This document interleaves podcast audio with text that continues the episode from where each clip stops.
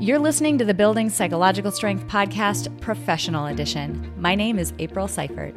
Not only am I a doctoral level psychologist, but I've been a successful entrepreneur for a number of years and have learned firsthand that building psychological strength can have a direct impact on your professional success. In this Friday edition of the podcast, I'll offer you tools, tips, tricks, and information to help you become stronger, more resilient, and more successful. Let's get to it. Oscar Wilde said, To love oneself is the beginning of a lifelong romance. Happy Friday, everybody. I'm excited you're here. We're going to be talking about a topic this week that I am incredibly passionate about, one that impacts my life, no joke, on a daily basis, every single day. And by the end of this episode, my goal is to convince you that it should impact your life on every single day. What's the topic? I mean, technically, the topic we're talking about today is self care. Don't turn this off because there are some twists and turns in this episode that you are not expecting that will make it much more useful, I think, than any other conversation you've ever had about the topic of self care. So let's start there. And we'll also talk a little bit about what in the heck that has to do with your professional success as well. So don't feel like you got lost and think this is a Wednesday episode and we're talking about life. We are really talking about self care and its connection to your professional success. Here's the deal.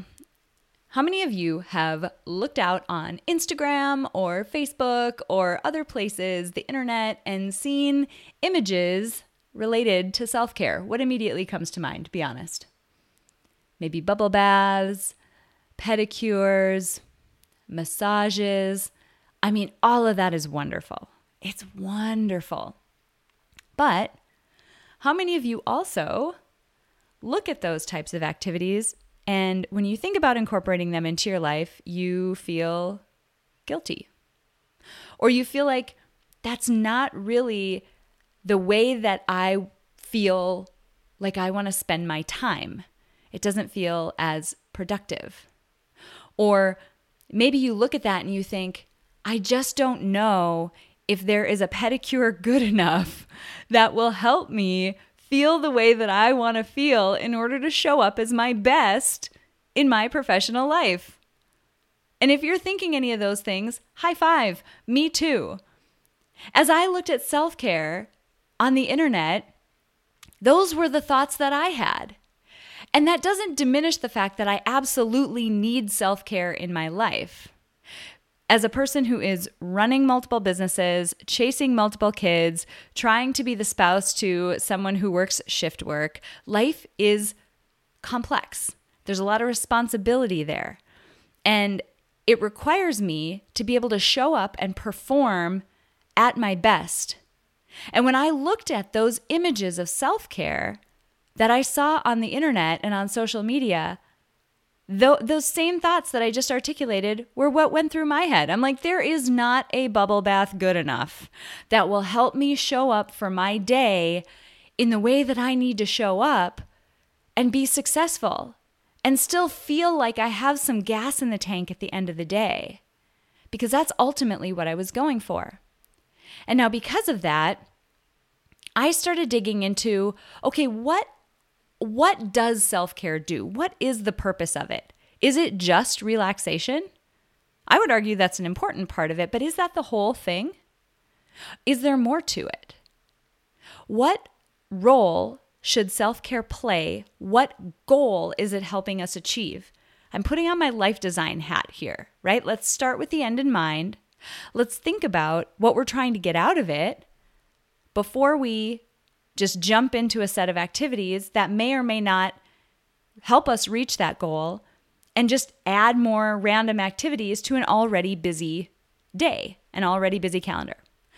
So I started thinking about it, and because of that thinking, I went through this process of developing basically a life design process of figuring out okay, if my goal is to show up as the best version of me every single day, the life design process and the human centered design process would say, okay, let's define what that best version is.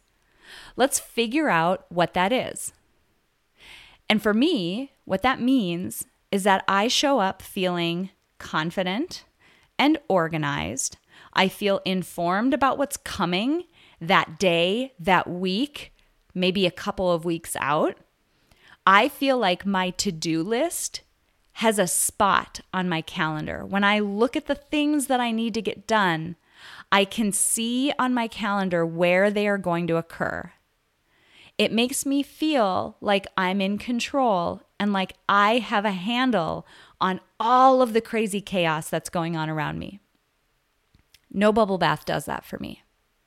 And so, because of that process of going through this for myself, what I identified is something that I like to call the self care pyramid. Now, if you've joined us for Wednesday episodes, I'll link a couple of them below just so that you can get a deeper dive if you want uh, that level of depth in this topic. Um, the self care pyramid is something we've talked about on Wednesday episodes quite a bit. And what this is, is a much more comprehensive approach to thinking about self care in a way that I haven't seen anybody else talk about it. So I'm going to run you through the pyramid really quick and we're going to focus on one slice of that pyramid. There's three slices. We're going to focus on the middle slice of that pyramid for the context of this conversation because I think and in my experience of applying this for years now, it has had the biggest impact in my professional success and I really think it's going to have an impact on yours as well. So let's dive into what the self-care pyramid is. Self care pyramid has three levels. At the top of the pyramid is level three. And it you can think about it if you've heard of Maslow's hierarchy of needs, right? There's sort of a basic bottom uh, level. That's the basic stuff we need to uh, survive and feel safe and that type of thing. And then way at the top of the pyramid is self actualization. This is a loftier goal, something that we are able to do once our lower needs are met. Very similar situation with the self care pyramid. At the top, instead of self actualization, these are luxury items. These are items that are there for pure enjoyment, pure relaxation. For me, and this is a very individual way of defining this. So if if yours doesn't align exactly the way that mine does, yours is right for you.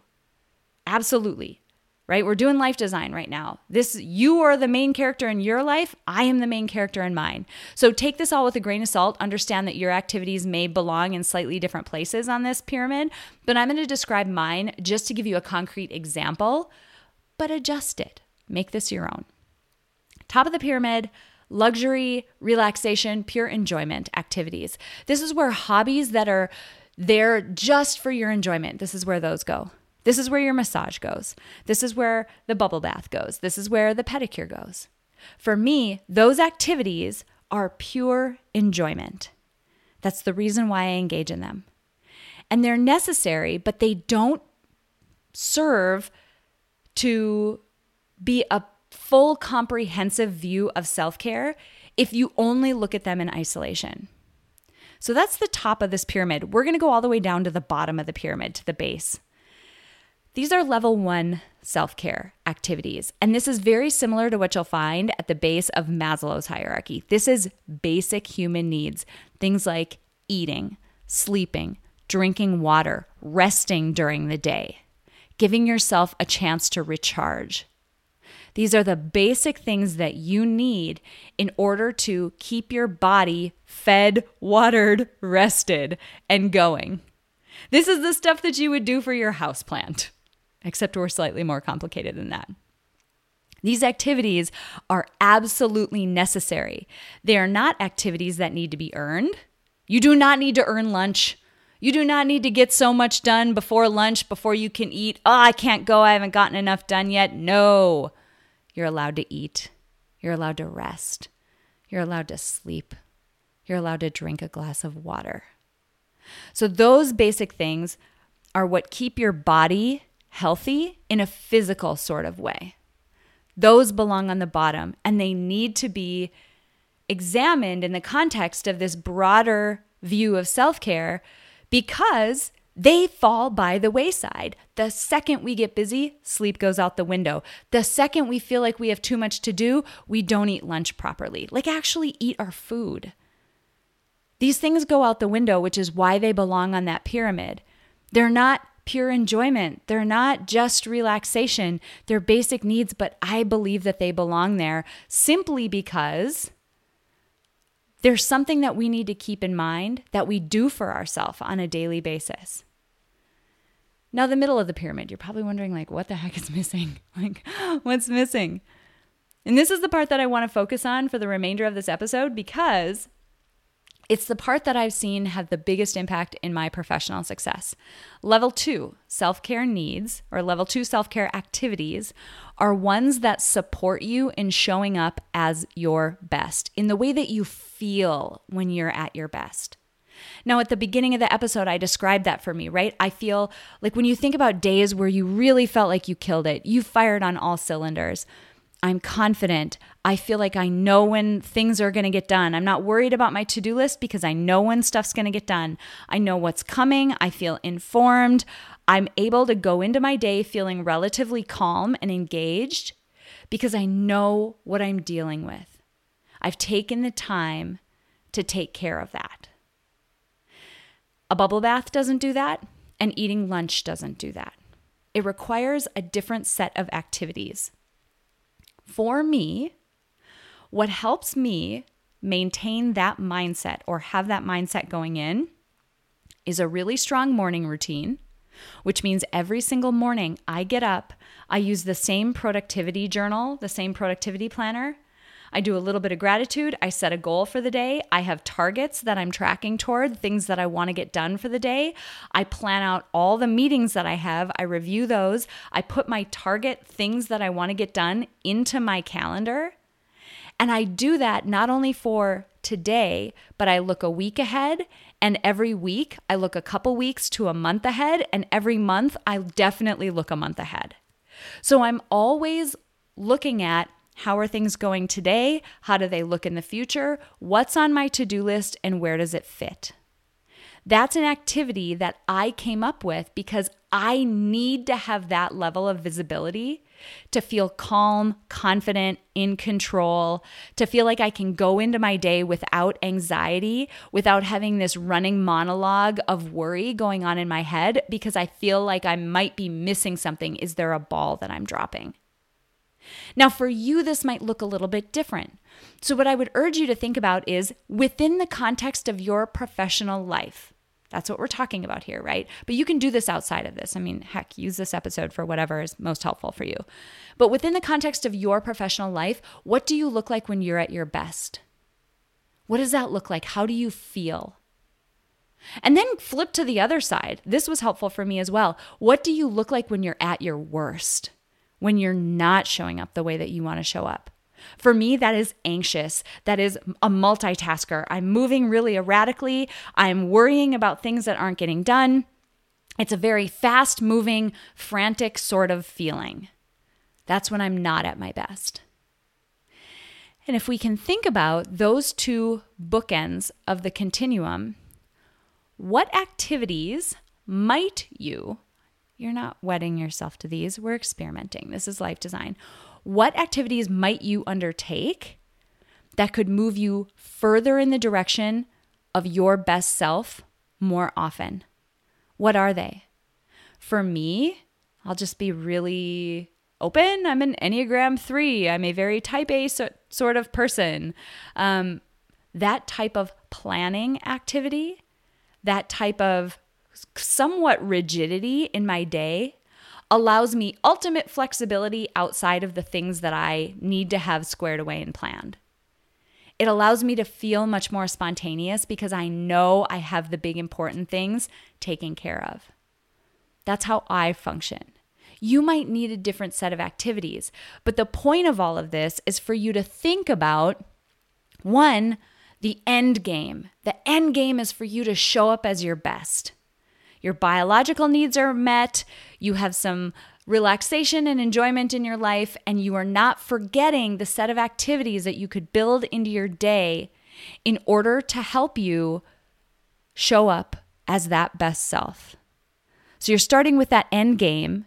You're starting with a good definition of what you're designing for. We're designing to get you to that best self place. And then you're thinking about activities that might help you get there. Give this a try. I've been doing this for probably three years now. And there is not a single other thing that I can point to that has been more impactful on my professional success and my enjoyment of the way that my week goes. There hasn't been a single thing that's been more impactful than this. And that's why I wanted to share it with you. If you want more information, we actually have a mini course on this exact process. It goes into much more depth and uh, gives you some good uh, worksheets and things like that that you can use if you um, actually wanted to like design this in earnest. Like you, you really feel like this is something you need. Um, I think it's 29 bucks on our website. It's really inexpensive. If you go to peakmindpsychology.com backslash self care, you can get all the details on that program. It's called Self Care by Design.